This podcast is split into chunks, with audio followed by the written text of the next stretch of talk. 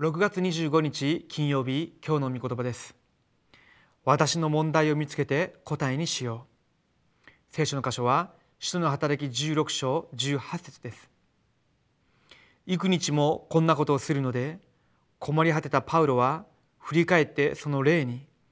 イエス・キリストの皆によって命じるこの女から出て行けと言った。すると即座に霊は出て行った。今月私自身が教会に通いながらも占い師のところに訪ねに行っていっているそのような信徒たちに何人かいました。一人はアメリカで本当にエリートとして生活をしてきたんですけれども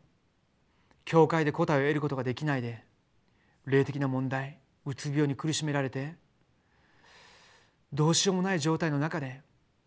霊媒師のところに訪ねに行ってみたりまた別の占い師のところに訪ねて行ってみたりしながらもっと自分の状態が深刻になった人でした。その人に会って福音を伝えてその方が自分が今までキリストについては分からなかったということを認めてキリストを心に受け入れてお祈りしました。その後からこの人が私と一緒にお祈りして手術の講談のメッセージを受けるために礼拝に参加したんですけれども礼拝に行った時にリュウガンス牧師のメッセージを通しながら完璧に答えを受けるようになりました。その後の1週間継続してのメッセージを考えながら祈る中で自分自身のうつ的なそういった考えがほとんどなくなったということです。そうしてまた次の週に礼拝を下げたんですけれどもその前の日の夜一緒に話をしてたその内容がそのままメッセージとして出てきました。私たちは神様の子供なのでどういう問題があったとしても未来がどれだけ不安だったとしても全部講談の前に持っていくんであれば答えを受けることができるようになっています。神様の子供だからです。またある人は本当にエリートでお金持ちなんですけれども韓国でも大きな有名な教会に通っている方です。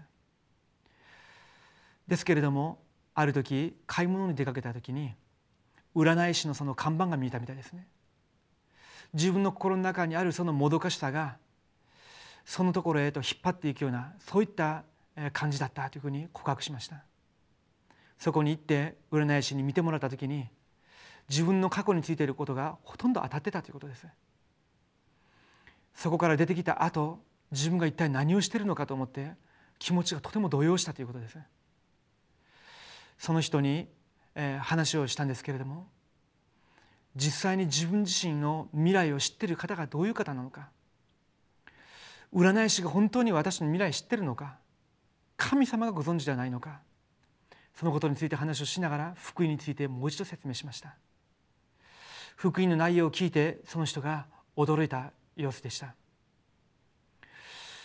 私たちはキリストを心に信じて受け入れたその時から神様の子供になったので過去現在未来全ての問題が終わりました。ですので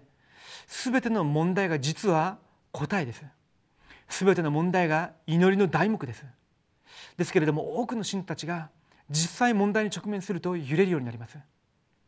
今日私たちが私の問題を見つけて答えにしようというメッセージですけれどもこれを今日の御言葉として握って現場の中で全ての葛藤と問題を乗り越えることができるように共にお祈りしていきたいと思います。今日の序文です。人生は簡単なものではありません。子どもたちは家庭で正しい力を得ることができず勉強に苦労しています。両親は経済の問題で苦しんでいて子どもたちに関心を持って人生を引っ張っていくことが難しい状況です。結婚したばかりの若い親たちは子どもの計画をどのように準備すればよいのか分からず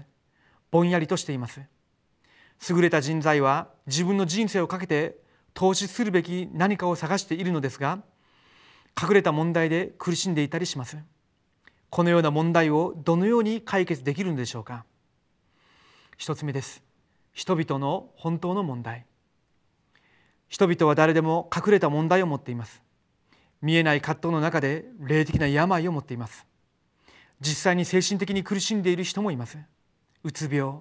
無気力悪い習慣にはまって人生を諦めたまま生きていきますその人々に福音が必要です。福音で力を与えながら彼らに答えをあげなければなりません。これが伝道者である私の使命であり人生の理由です。私の周りにいる友人知人たちの外側だけを見るんであれば実際に答えを与えることはできません。ですけれどもアダムの子孫であれば全て漱石参照のもとに生まれてきます。ですので外側だけを見るんではなくてその内側にある霊的な問題を見て福音で答えを与えることができるんであれば神様が自己教に従ってその人たち一人一人神様のもとに導くようになるでしょう。私が実際に個人に回答を与えることができる伝道者になるようにお祈りしていきたいと思います。二つ目です。嘘で積んだもっと大きな問題。苦しみを受けてさまよっている人々が答えを受けようとシャーマニズム占い偶像を訪れます。お金が多いからではなく未来が分からず苦しいからです。さまよっている人々に福音を正しく伝えなければなりません。人々は苦しみに遭うと結局教会に来るしかありません。彼らの痛みと苦しみを理解しながら福音で近づかなければなりません。それで伝道者と伝道する教会が重要です。真実を探し求めて傷ついた魂そのような人たちが教会に訪ねに来るようになります。その時に私たちがその人たちを見てそういった部分を理解した上で御言葉を伝えることができるんであれば神様がどれほど喜ばれるでしょうか。私の教会がと私個人がそのような働きをするんであれば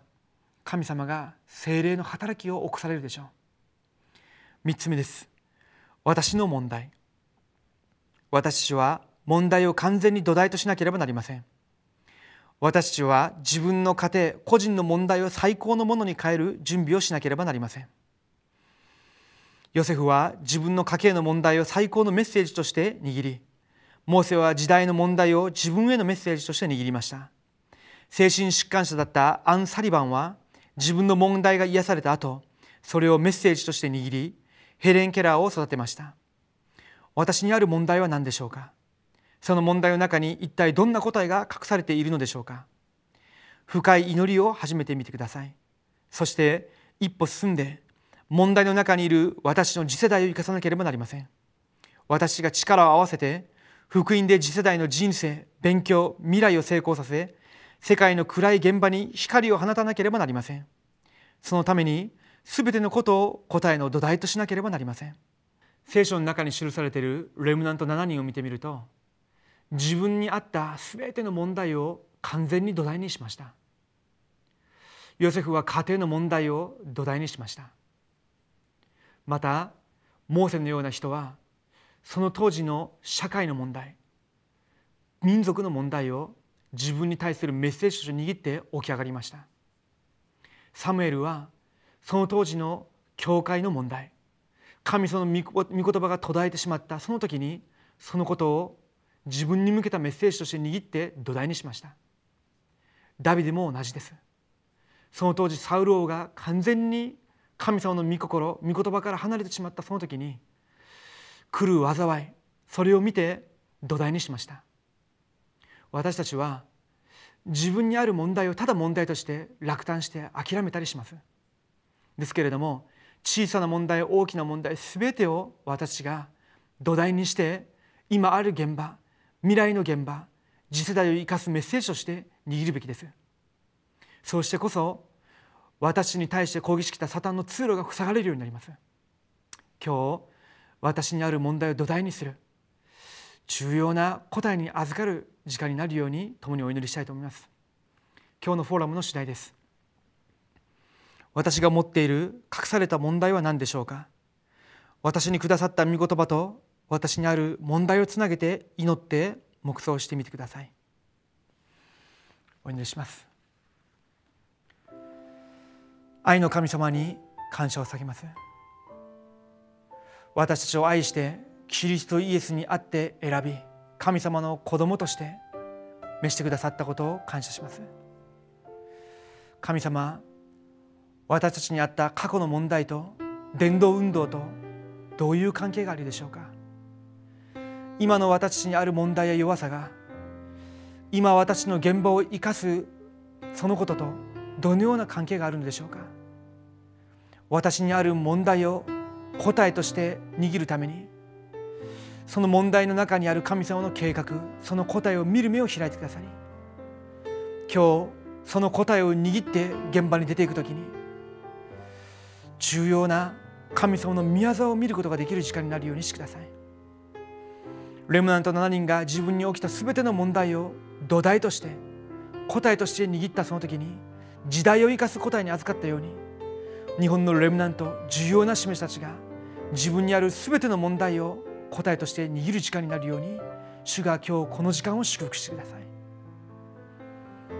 生きておられるイエス・キリストの皆によってお祈りします。アーメン。